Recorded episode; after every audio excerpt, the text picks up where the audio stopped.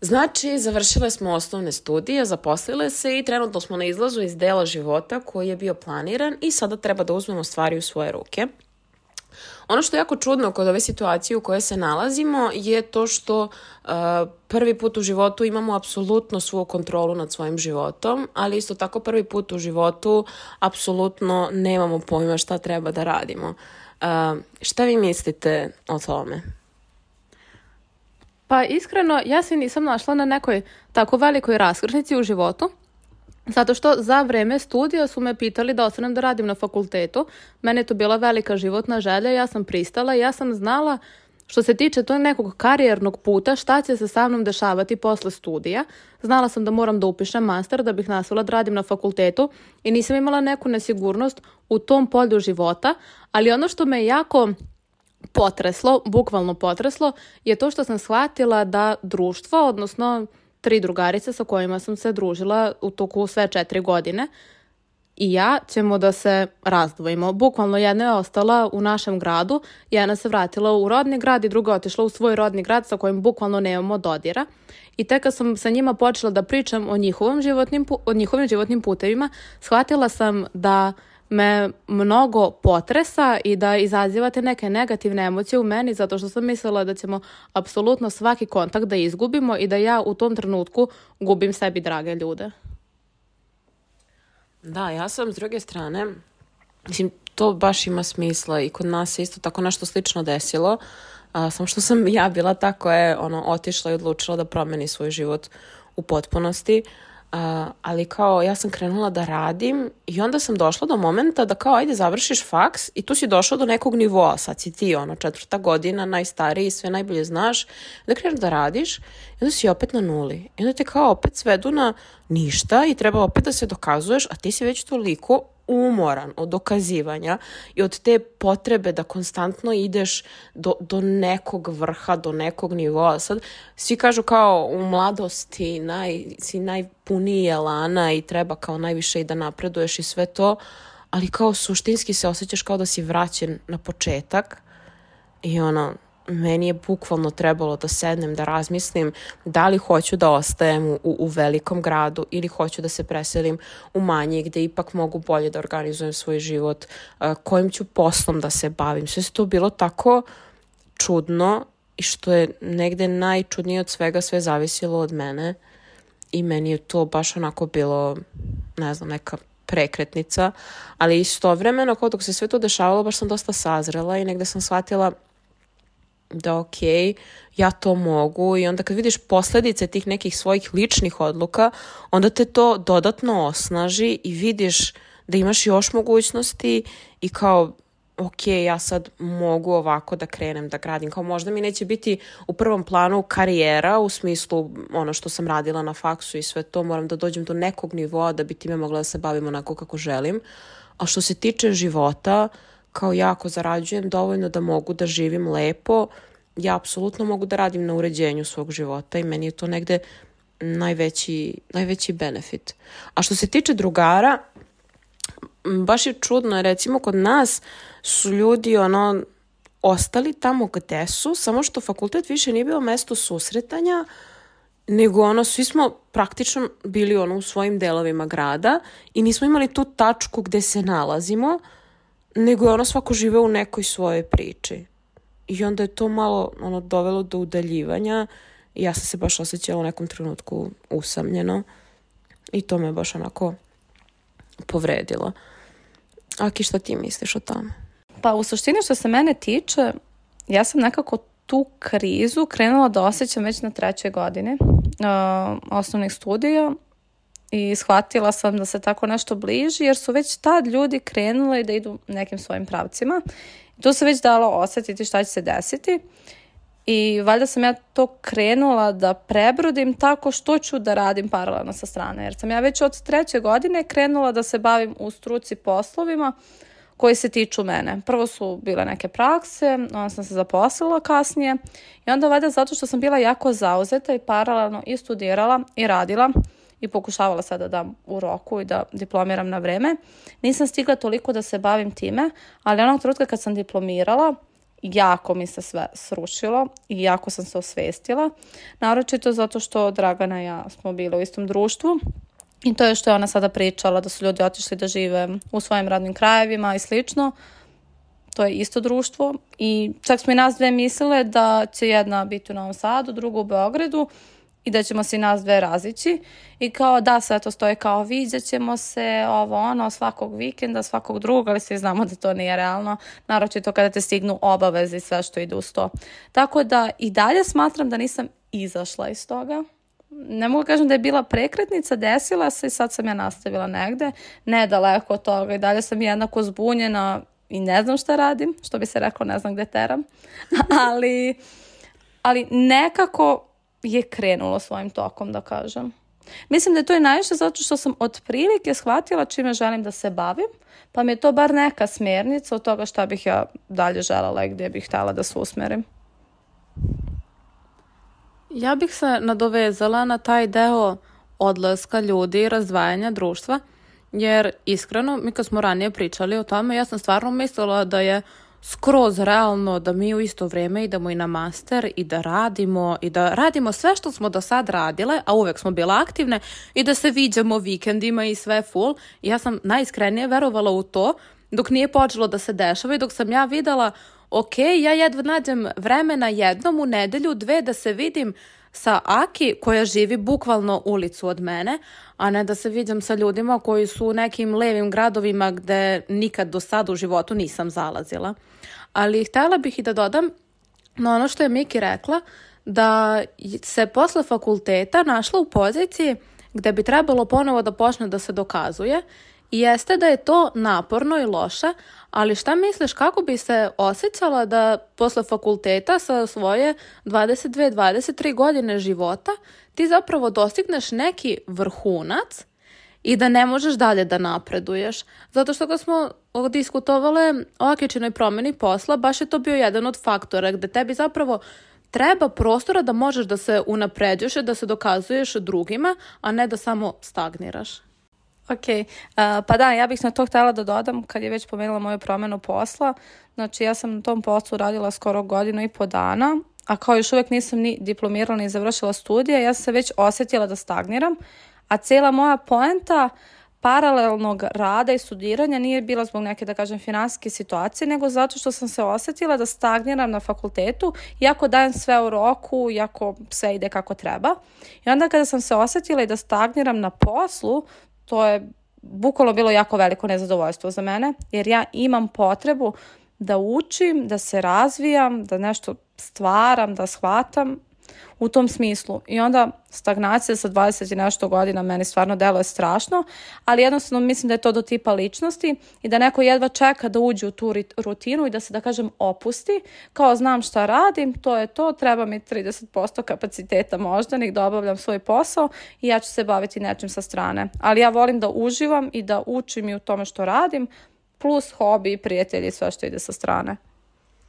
Da, ja se s tim apsolutno slažem nego je kod mene više bio primjer da um, sam svesna toga šta sam mm, naučila i svesna sam to znanja sa kojim dolazim i negdje mi je bio potreban sljedeći nivo u smislu da neko zapravo radi mentorski sa mnom, da mi budu ponuđene prilike spram mojih negde mogućnosti, a naišla sam na to da prvo sam stvarno tretirana kao neko ko uopšte nije završio fakultet, drugo kao neko ko ne zna ništa da radi, ko ne zna da razmišlja. Znači jedno je što sam financijski bila tretirana tako što mi je vrlo ponižavajuće bilo, drugo je što ono nije mi ni dao ta prilika da radim nešto, nešto pametnije, nego mi je samo govoreno u suštini kao pa ti ne znaš da radiš i nisi radila u praksi i kao to je to. Pritom ja imam iskustva nekog sa studentskim organizacijama, sa ranim poslovima, što ti kažeš, ono, radilo se tokom studija, to jeste iskustvo kao poslovno iskustvo, samo što stvarno mi se nisu otvarale prilike, čak i na drugom poslu kad sam prešla, naišla sam na ljude koji apsolutno ne žele da vide potencijal u nekome, pa da taj potencijal razvijaju kroz, ne znam, šest meseci, jer kao to prosto njima to ne odgovara, oni ne razmišljaju na taj način.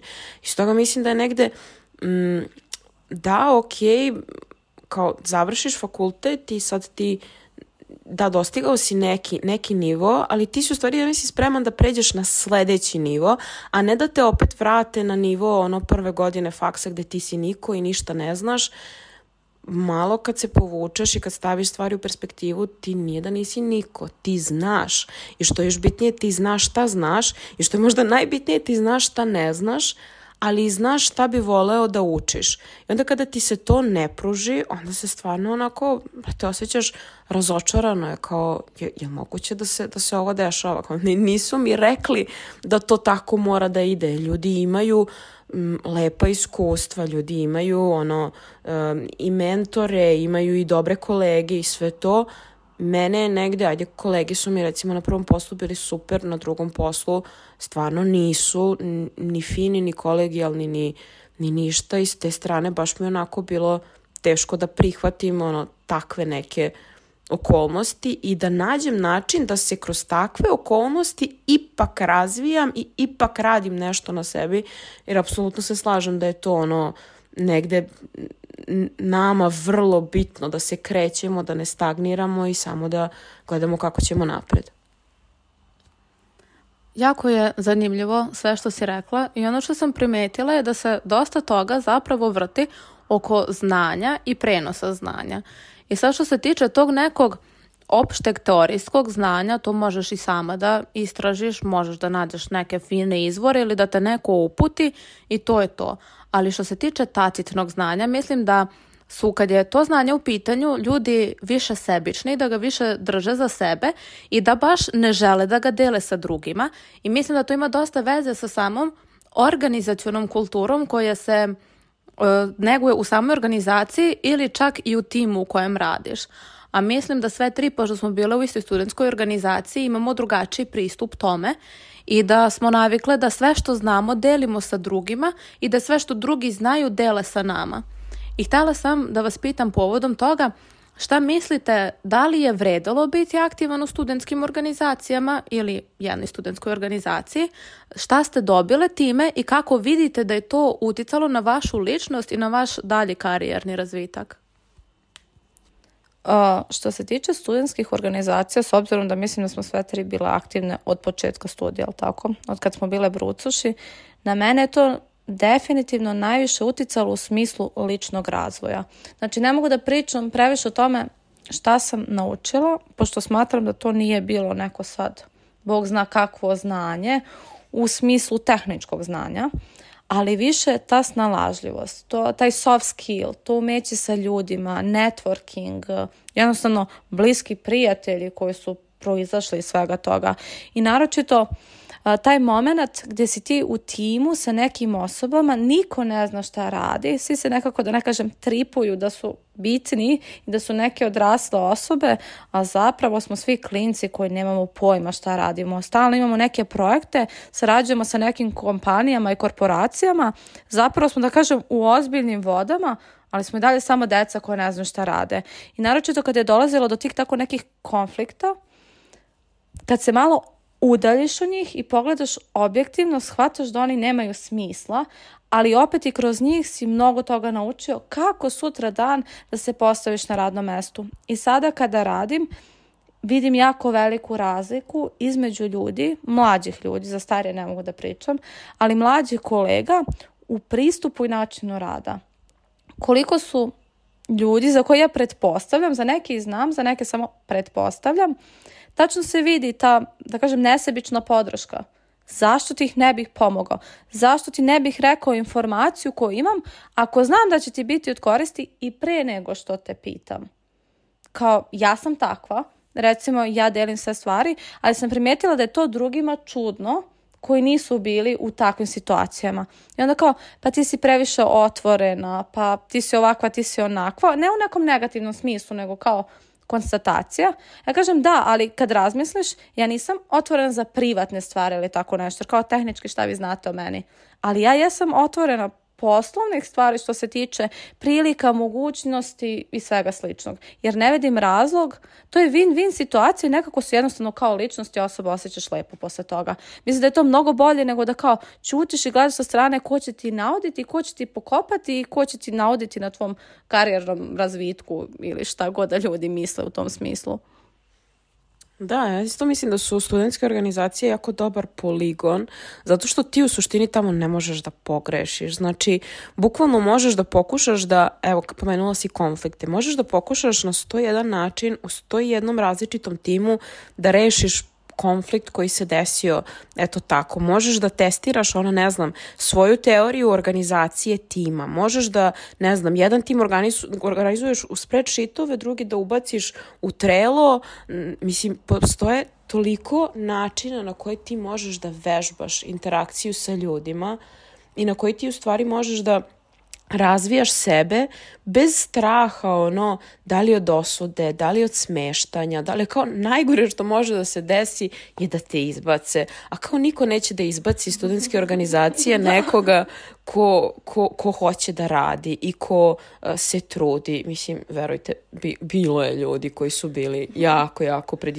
jako za izbacivanje, ali ih nisu izba, izba, izbacili zato što su oni bili ti koji će da dođu i da organizuju taj događaj i da poslože ta dokumenta i da, znači u suštini ta proaktivnost i inicijativa koju ti naučiš prosto da imaš jer je to način preživljavanja u tim organizacijama je ono što, što ti negde najviše poneseš. Drugo, da ne govorim ono o mreži ljudi koje upoznaš. Bukvalno uh, upoznaš toliko i generacija. Mi smo i na faksu razmenjivali materijale uh, i imali materijale koje drugi nemaju samo zato što ono imamo i od starijih dosta toga. Imali smo ono interne baze i sve to. Tako da negde mislim da druga stvar je što kao imaš mogućnost da radiš kao lider. Meni je jedna od najlepših stvari koje sam radila to što sam bila lider tima. Toliko sam naučila kroz to, toliko sam naučila kroz ono rad u core timu i na kraju krajeva da mi jesmo deca koja suštinski na početku ne znaju šta rade, ali ti kad izađeš iz tog iskustva, ti dobiješ da si ti, da su da ta gomila dece organizovala ono događaj na koji je došlo, ne znam, 20 stranaca koji su imali predavanja na XYZ lokacijama, oni su bili nahranjeni, oni su spavali, imali gde da spavaju, bilo im je normalno, toplo, imali su prevoz, imali su apsolutno sve normalne uslove da dođu, da dođu u Beograd ili Novi Sad, da uče, i da se pohvalim a, to sve da urade dan pred zatvaranje ono međudržavnih granica pred koronu. Tako da ja mislim da kao da kreneš sa tim da, da ništa ne znaš, ali suštinski ti jako puno naučiš i onda negde mislim da naučiš i da, da ceniš sebe i naučiš da se postaviš i u budućnosti prema drugim ljudima i drugim timovima i znaš ono, znaš kako dobro može da bude, što mislim da je kao najcrnje od svega i što kažeš upoznaješ ljude i onda je njima čudno kako si ti tako otvorena. A ti znaš koliko može da bude dobro kad smo svi otvoreni i kad se svi trudimo i kad smo svi motivisani, što opet idealan scenarij jer je li studentska organizacija radi na motivaciju, a ne na novac. Ali kao, to je toliko jedno nesvakidašnje iskustvo i toliko nešto čemu se uvek vraćaš i čemu težiš. Ja toliko sada imam potrebu da budem opet u takvom timu. Nisam, ali znam da mogu i znam čemu ka čemu želim da idem. I onog momenta kad nađem tako nešto, kad vidim, ok, ovo je skroz moja energija, zato što je to moja osnova u suštini rada u timovima, organizacijama, e onda ću da budem u fazonu, ok, ovo je moj poligon, ja ovde želim da ostanem, ja ovde želim da napredujem, da se razvijam i mislim da je to stvarno jedno, jedno bogatstvo i kao ljudi koji nisu bili u organizacijama, ja verujem da su negde pokupili neko iskustvo, ali ovo je stvarno nešto nezamenljivo. Moram i ja da odgovorim na svoje pitanje, pošto je to nešto o čemu rado pričam i čemu se, i tema koje se baš rado vraćam. I ja sam u suštini od toga svog studiranja bila u 4-5 organizacija, ali su u suštini to bile samo dve grupe različitih ljudi. I meni je bilo jako lepo i jako zanimljivo da upoređujem način rada jedne grupe ljudi sa načinom rada druge grupe ljudi. Jer ova prva grupa je zapravo organizacija koja postoji već 30 godina i ima neki ustaljen način rada, dok je druga grupa ljudi oformila novu organizaciju koja tek počinje sa radom. I tu sam lepo mogla da ustanovim primere dobre prakse i iz jedne i iz druge grupe ljudi, u suštini organizacija, gde sam shvatila šta mi odgovara, šta mi ne odgovara.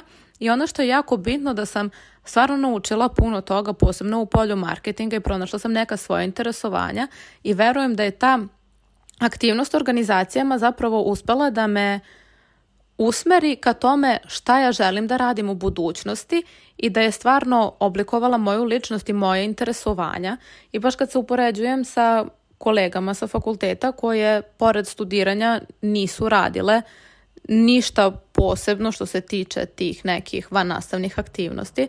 Vidim da su oni nekako nesnađeni i da ne znaju šta bi i kako bi posle, dok verujem da je nama trima bilo mnogo lakše da shvatimo šta bismo radile sa svojim životom u budućnosti. Ne, kada se već pomenjali te timove i rad u timovima, meni je recimo jako veliko otkriće bilo da ja zapravo ne volim da budem lider tima. Ja sam uvek bila ta koja je bila lider, zato što sam uvek da kažem bila najglasnija i uvek sam imala stav, a nekako su se onda nad mojom ličnošću ljudi povlačili, ako tu nije bilo još nekih dominantnih tipova ličnosti, ja bih uvek bila ta koja je lider.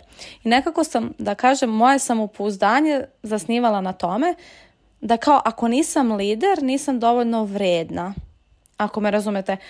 A radeći po studentskim organizacijama sam zapravo skontala da ja ne želim da budem lider i da ja ne volim da budem lider. Ja volim kada imam ispred sebe lidera kog poštujem i koje meni dokazao da mogu da mu prepustim da kažem vođstvo i da ja budem ok sa tim i da ne vredim manje ako sam samo član tima, a nisam vođa tog tima, departmana ili čega god. I to je za mene bilo jako veliko otkriće zato što sam uvek bila ta još od malena koja je morala da bude prva. Zato, zato što sam zasnivala svoju vrednost nad tim. Znači ako nisam prva nisam dovoljno dobra. I onda kada sam to shvatila, to je bila jako velika prekretnica, prekretnica za mene. Znači, nije u tome da ja ne volim da, vo, da vodim, meni je to ok kada niko nije tu ko bi preuzeo vođstvo, ali kao u mom idealnom scenariju ja ne volim da budem ta koja će da gura.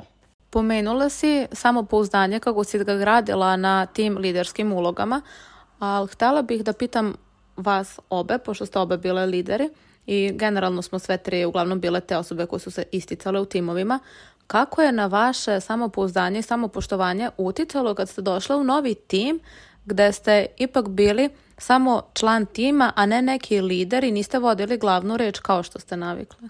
Pazi, meni je u suštini bilo ok, ja kao kapiram, ne mogu da budem na liderskoj poziciji kad sam početnik, nikako, imam toliko toga da naučim.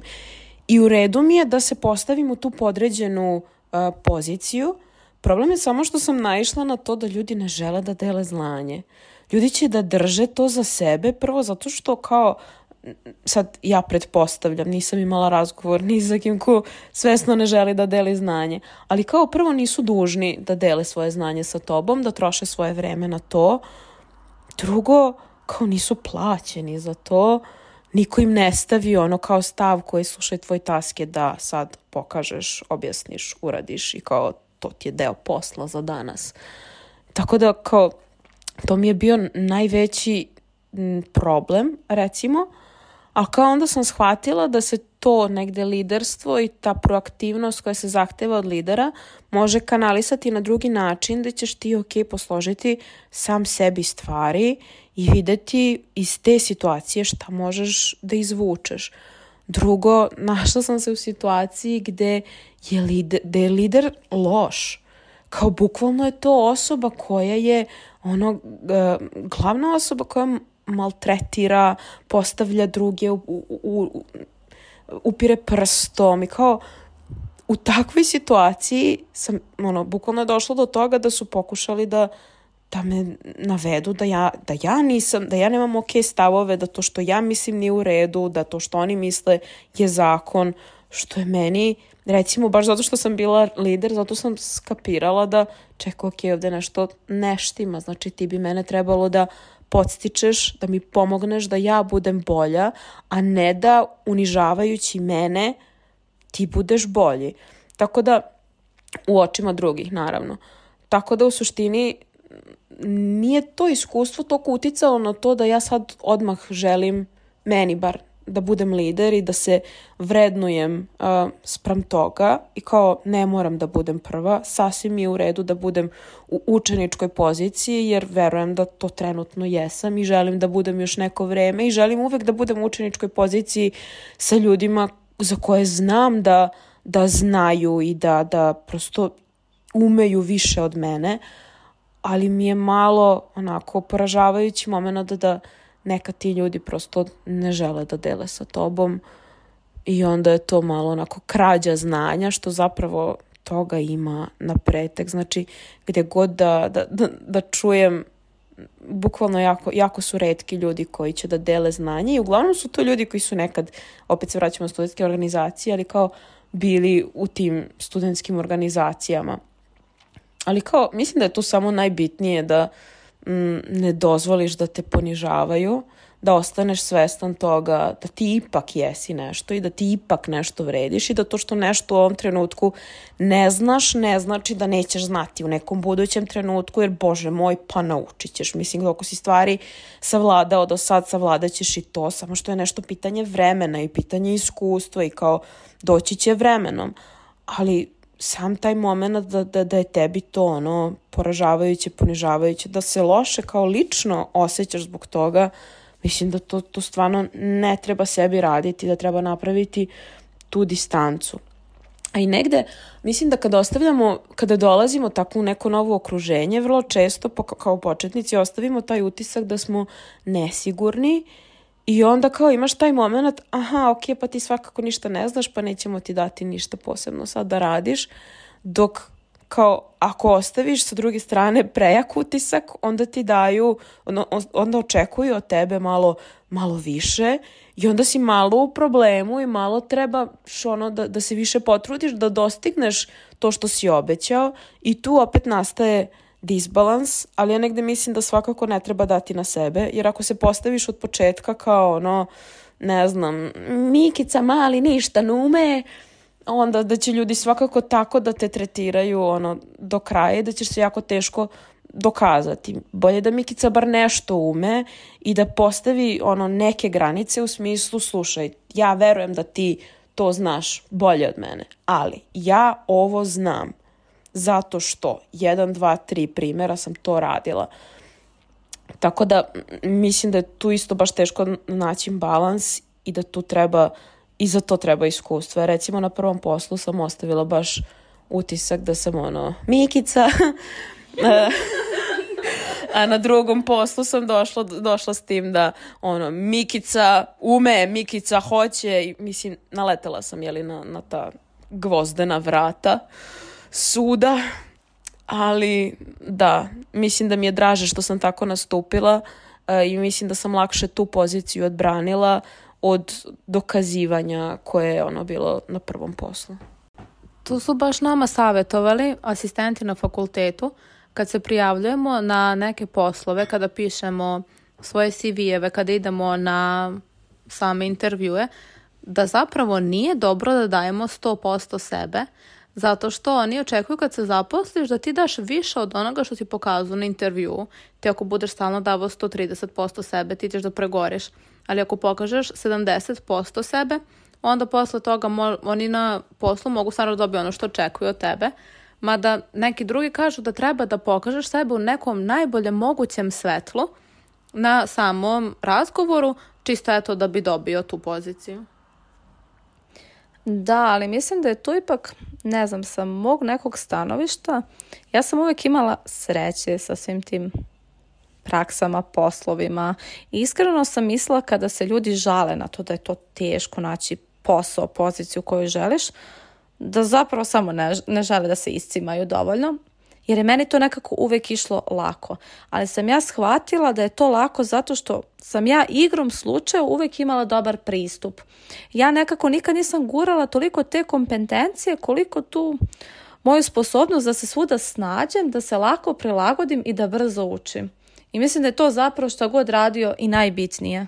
Da si ti prilagodljiv. Znači, i kada da možeš otvoreno da kažeš ja to ne znam, ali znam da mogu da naučim. U nekom smislu, mislim, opet zavisi i od uh, senioriteta, kakve su pozicije u pitanju, ali mi smo ipak na početku da smo još uvijek u mogućnosti da se postavimo tako i da je to neka, neka odlika zrelosti i samosvesti i da je to plus.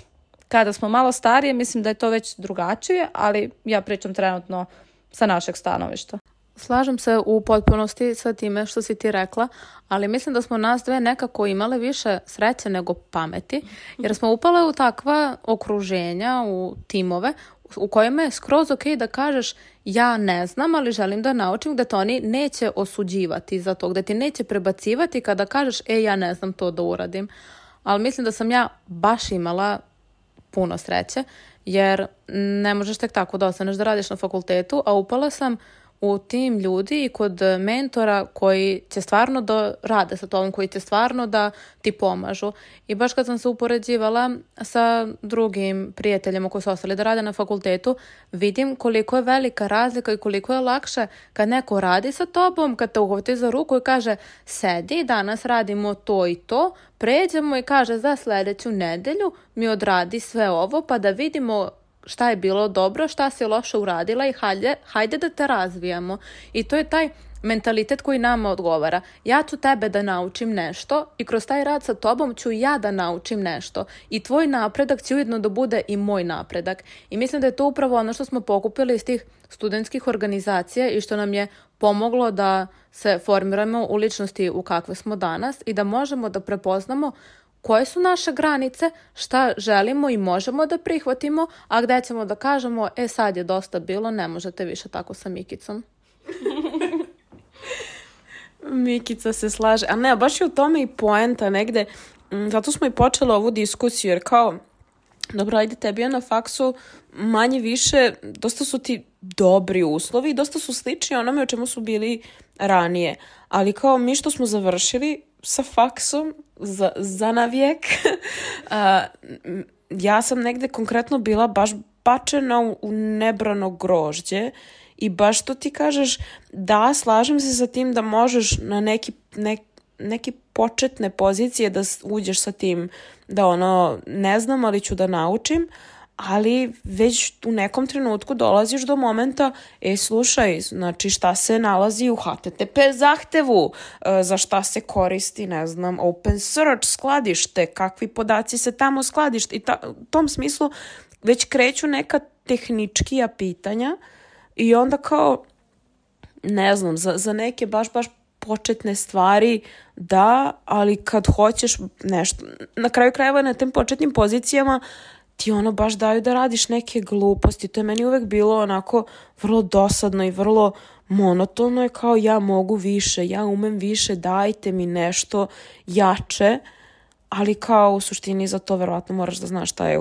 šta se krije u HTTP zahtevu i šta se skladišti u open searchu da, svakako smatram da trebaš da znaš tehničke stvari, ali ja sam mislila, recimo, ako dođeš kao student, onako, blank, tabula rasa. I sad evo, ja sam, moj prvi, da kažem, pravi korporativni posao je bio u Bošu. Ja sam mogla da odradim throughout research o firmi i da naučim sve što je trebalo da znam i da ja izgledam kao da ja baš znam o tome. Ali mislim da svi znamo da to nije realno. Ja sam odra odradila neki lagani research, ali on je bio toliko lagan da ja nisam bila u tom trenutku svesna, čak ni da je to autoindustrija. I kada su oni mene pitali, pa da li ti znaš šta mi tačno proizvodimo, Uh, pošto sam ja osoba koja je što na umu, to na drumu, meni je došlo da kažem blendere, zato što je to prvi Bosch uređaj koji je meni pao na pamet, koji imam u svom domaćinstvu, što bi se reklo. Hvala Bogu, pa sam rekla ne znam. Što je, mislim, jako loša stvar da ne znaš šta se proizvodi u proizvodnji za koje si se prijavio, ali kakvi se sve studenti prijavljuju, ja sam bila i super. Zato kažem da sam, mislim da sam imala i sreće i da je generalno zbog cijelog tog mog nastupa kako se ja postavim, da čak i kad kažem ne znam, nije smak sveta.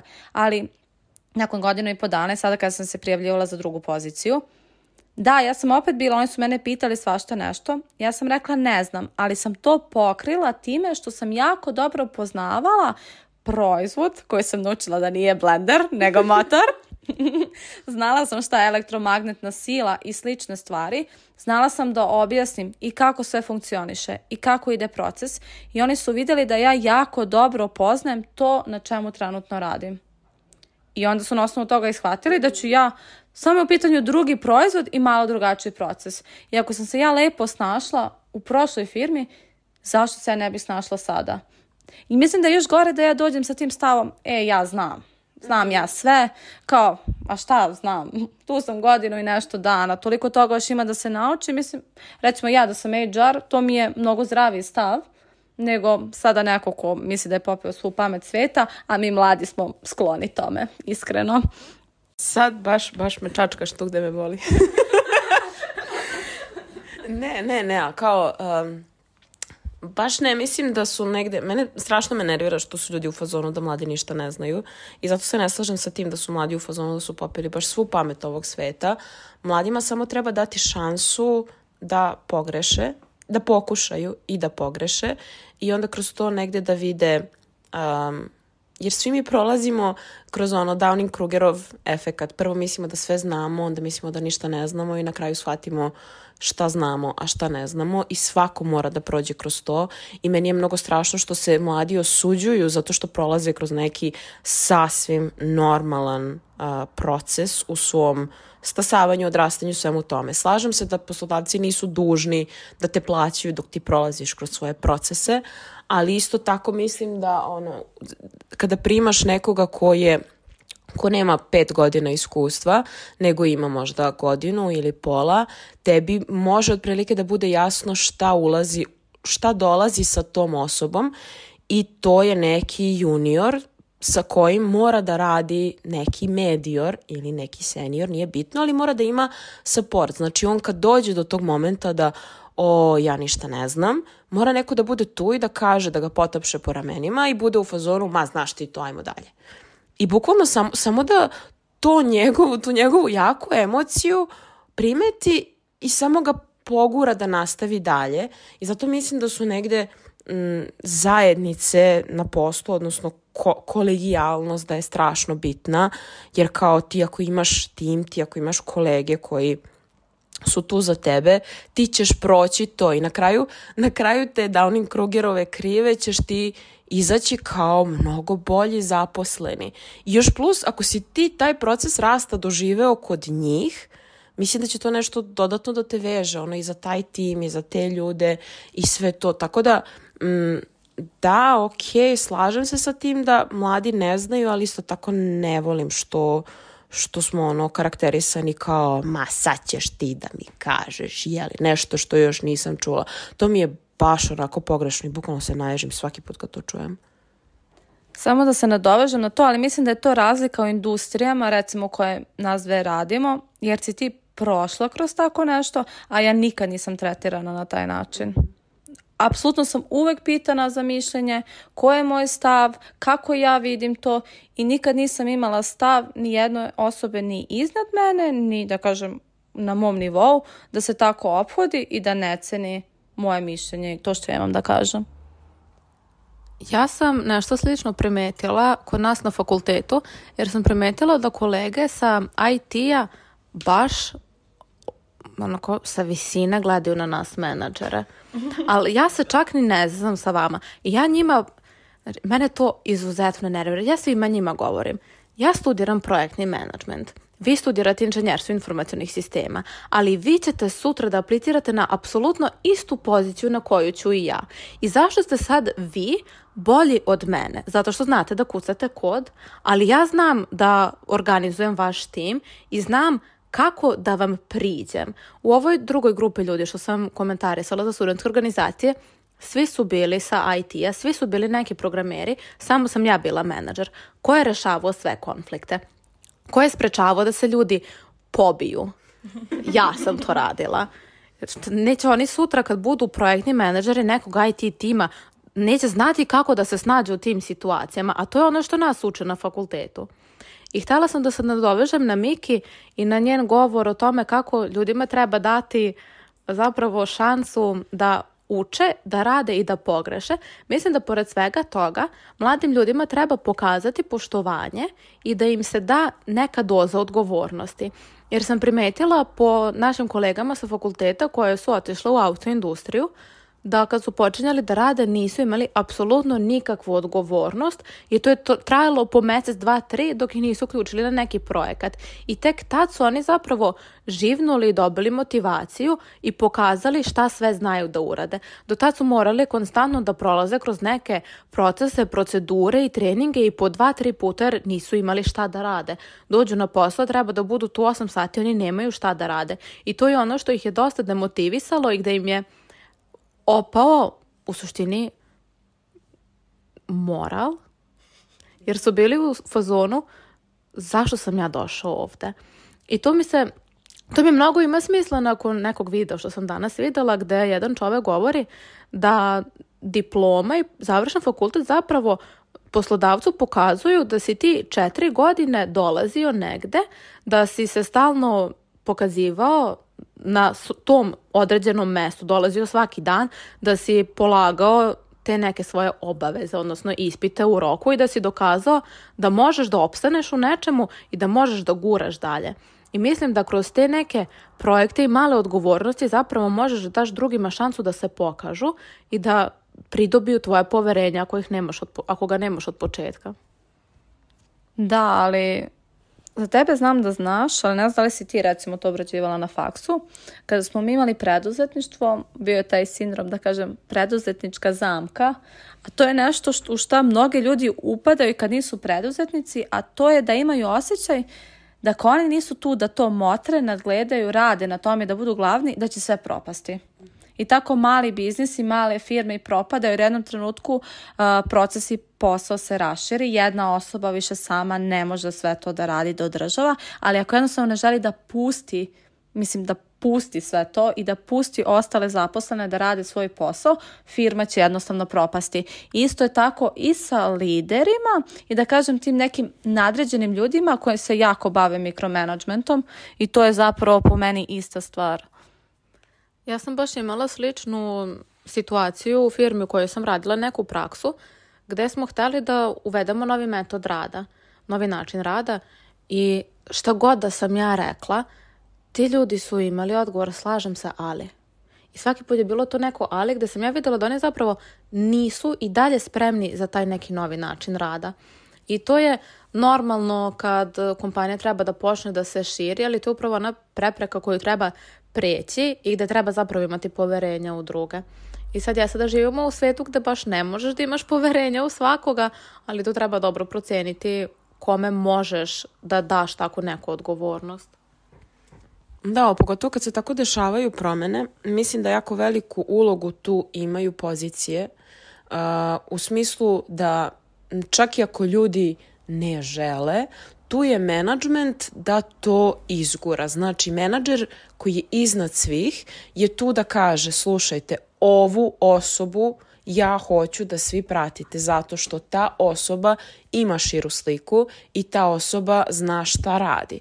I to je jako, jako bitan, bitna ta podrška te osobe koja treba, to je podrška osobi koja treba da iznese tu promenu.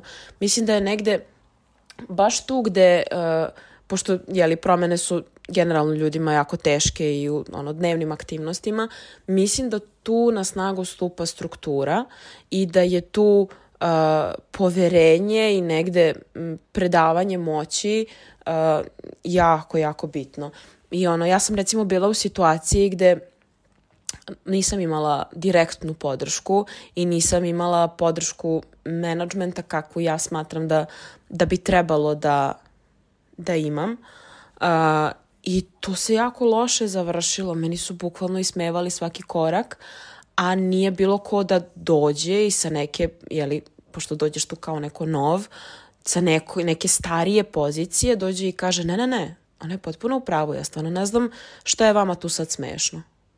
I da prosto tako, na taj način, ukazujući tebi podršku, u stvari tebi kreira poligon da ti sad možeš da kažeš, ok, imat ćemo sastanak, trajeće toliko i toliko. Ok, jesmo rekli da ćemo to da radimo? Ajde da probamo to da radimo. A ne da to bude od strane menadžmenta ismevano i kao, ma jesne, ma sad ćemo to mi tako. Ma hoćemo, sigurno. I da, pogađate, ja sam u IT industriji i stvarno jeste taj moment um, nisu svi programeri takvi, daleko od toga, ali ja mislim da je zbog toga što je jako veliki disbalans u platama, odnosno u vrednovanju programera u odnosu na sve druge, da oni su stvarno doživljavaju neki moment bogovski, gde oni stvarno misle da oni sve najbolje znaju i sve najbolje umeju, što suštinski nije tako. Svi, smo mi, svi mi imamo svoju ulogu. I to zašto ti ne moraš da, da vodiš sastanak ili komuniciraš sa klijentom, to je zato što sam ja tu, jer mene zanima komunikacija, mene zanima da posmatram širu sliku. Ali ako ti meni ne dozvoliš da ja to radim na moj način, nego zahtevaš da radim na tvoj način, ti meni nisi predao odgovornost, ti meni nisi omogućio da ja radim svoj posao kako treba i ja ću rođače da se povučem. A ti radi kako misliš i kako umeš. Jel ti previše posla? Pa ja ne znam ko je ovde najpametnija osoba, trebalo je nešto da smisliš drugo. Mislim, dobro, sad da, da ne izlazim previše u ono izliv, uh, izliv besa prema programerima, uh, ali da, baš, uh, baš se jasno osjeća uh, taj disbalans sada gledajući iz ovog trenutka u kojem smo trenutno, gde se sada nalazimo, koji savet biste dale sebi pre otprilike godinu dana kad ste primetile da se bliži kraj fakulteta, kada nemamo više taj neki zacrtan put, nego ostajemo same na svome i koji savet biste dale sebi u nekom najnižem trenutku pronalaska sebe gde ste se našle? Može prvo odgovor na prvo pitanje, pa onda na drugo kao što sam pomenula malo pre, ja se i dalje ne osjećam kao da sam ja izašla iz tog procesa. Mislim, sada kada bi se vratila unazad, apsolutno bih sve isto uradila kao što sam i sad uradila i mislim da sam jako dobro, da kažem, odigrala svoje karte. S obzirom na to kakva je situacija bila i šta je bilo u ponudi i kakva sam ja bila u tom trenutku. Ali tako da ne znam šta bih rekla sebi, ali svakako bih sebi rekla da malo sjašem sa sebe. To je generalno savet koji stalno dajem sebi, ali nikako da se poslušam. Jer kao previše trčim na sve strane i uopšte ne zastanem da razmislim. I uglavnom to moje trčanje se uvek dobro završi, valjda zato i nastavljam to da radim. Ali ne znam šta bih dala mm, maloj sebi, mislim maloj sebi, sebi od pre godinu dana kao savet, ali svakako da malo više bude prisutna u tom trenutku i da kao pogleda malo i druge i kao, jer se ja uvek vodim tim, ja se takmičim sa sobom. Znači, ja sam sama sebi competition, ali kao, ja znam malo nekada budem teža competition za sebe i onda mi pomaže nekada da se osvrnem i da pogledam na druge ljudi da vidim Bože, gde su drugi ljudi, šta radiš, gde trčiš, gde juriš, gde žuriš, kao samo polako, sve će se stići. Da, to je, to je baš, baš onako lepo. Um, ne znam, ja negde mislim da, slažem se sa tim da je sve negde trebalo, da bi sve ponovila i kao, bukvalno jedini savet koji bih rekla sebi je samo, samo lagano i rasterećeno, sve će kockice da se sklope, verujem ima da živiš kao bog. Šalim se, ali ne, ja sam stvarno sad u, u trenutku gde sam baš onako negde zadovoljna svojim životom. Neke stvari bi mogle da budu bolje, i biće, ali kao pre godinu dana sam bila strašno nesigurna i uplašena i nisam znala šta gde kako, a stvari su se bukvalno same odmotavale i ono, hvatala sam prilike, jer kao treba da imam dovoljno poverenja u sebe da hvatam prilike, da znam da ću uhvatiti prilike koje mi dolaze i da će te prilike biti dobre po mene i mislim da sam donosila dobre odluke i mislim da situacije u koje sam upadala nisu toliko bile do mene koliko su bile do, do okruženja, ali kao mislim da apsolutno sam prošla onako jedan lep period i sad kada izlazim iz toga baš se onako negde osjećam kao da sam odraslija, da sam mnogo stabilnija, da sam mnogo, mnogo više strpljenja imam, mnogo više verujem sebi i bukvalno samo, samo lagano i rasterećeno sve će biti okej. To su jako lepi savjeti. Ja se nadam da će ljudi koji ovo budu slušali, ako se pronađu nekom sličnom problemu, stvarno poslušati te savjete. U suštini, ja mislim da apsolutno sve što se dešava na kraju izađe na dobro. Čak i ako u tom trenutku mislimo da je to užasno i loše i smak sveta, posle vidimo zašto je to nešto bilo dobro. A onaj savjet koji bih ja sebi dala, pa zapravo ne znam da li uopšte postoji neki savjet koji bih sebi dala, zato što prošle godine u ovo vreme generalno cijelo moje školovanje, ja sam htjela da radim na fakultetu. Ja nisam uopšte razmišljala kako ću ja to da uradim, kako funkcioniše taj proces. Ja, ništa, ja, stvarno ništa toga nisam znala, nisam razmišljala o tome. Samo se nekako sve desilo. Jeste da sam ja imala dobar prosjek, da sam bila aktivna u studentskim organizacijama, ali ja nisam razmišljala kako će to da utiče dalje na moj karijerni put.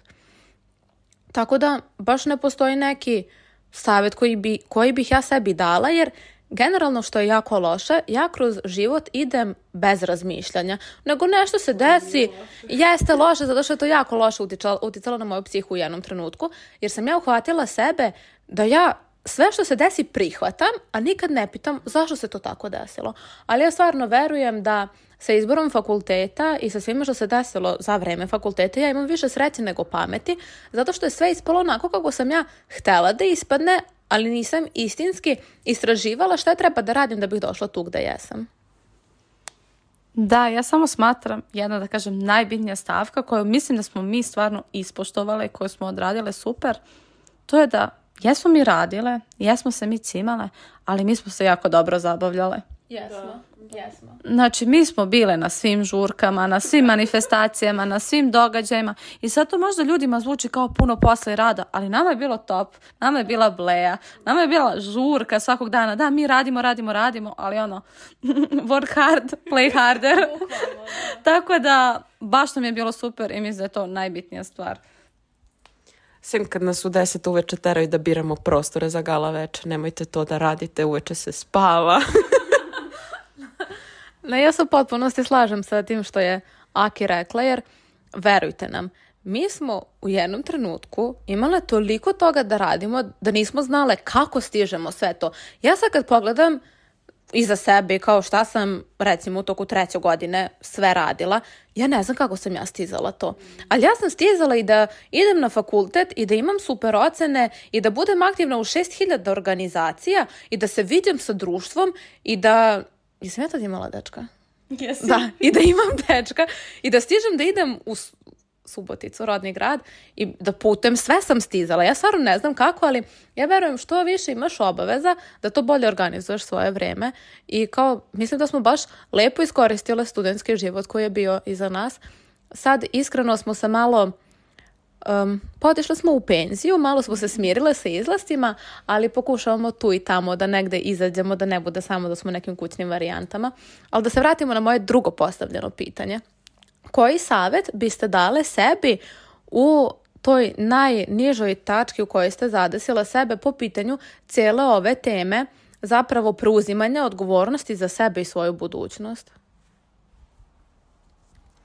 A, bukvalno samo to da imam poverenja u sebe i da kao sve što sam naučila do te tačke će me dovesti do prave odluke i mislim da je to najbitnije da ti u trenutku kad si nisko mnogo mm, prvo što si mnogo anksiozan, ne znaš šta će da se desi, bojiš se budućnosti, bojiš se, svega se bojiš.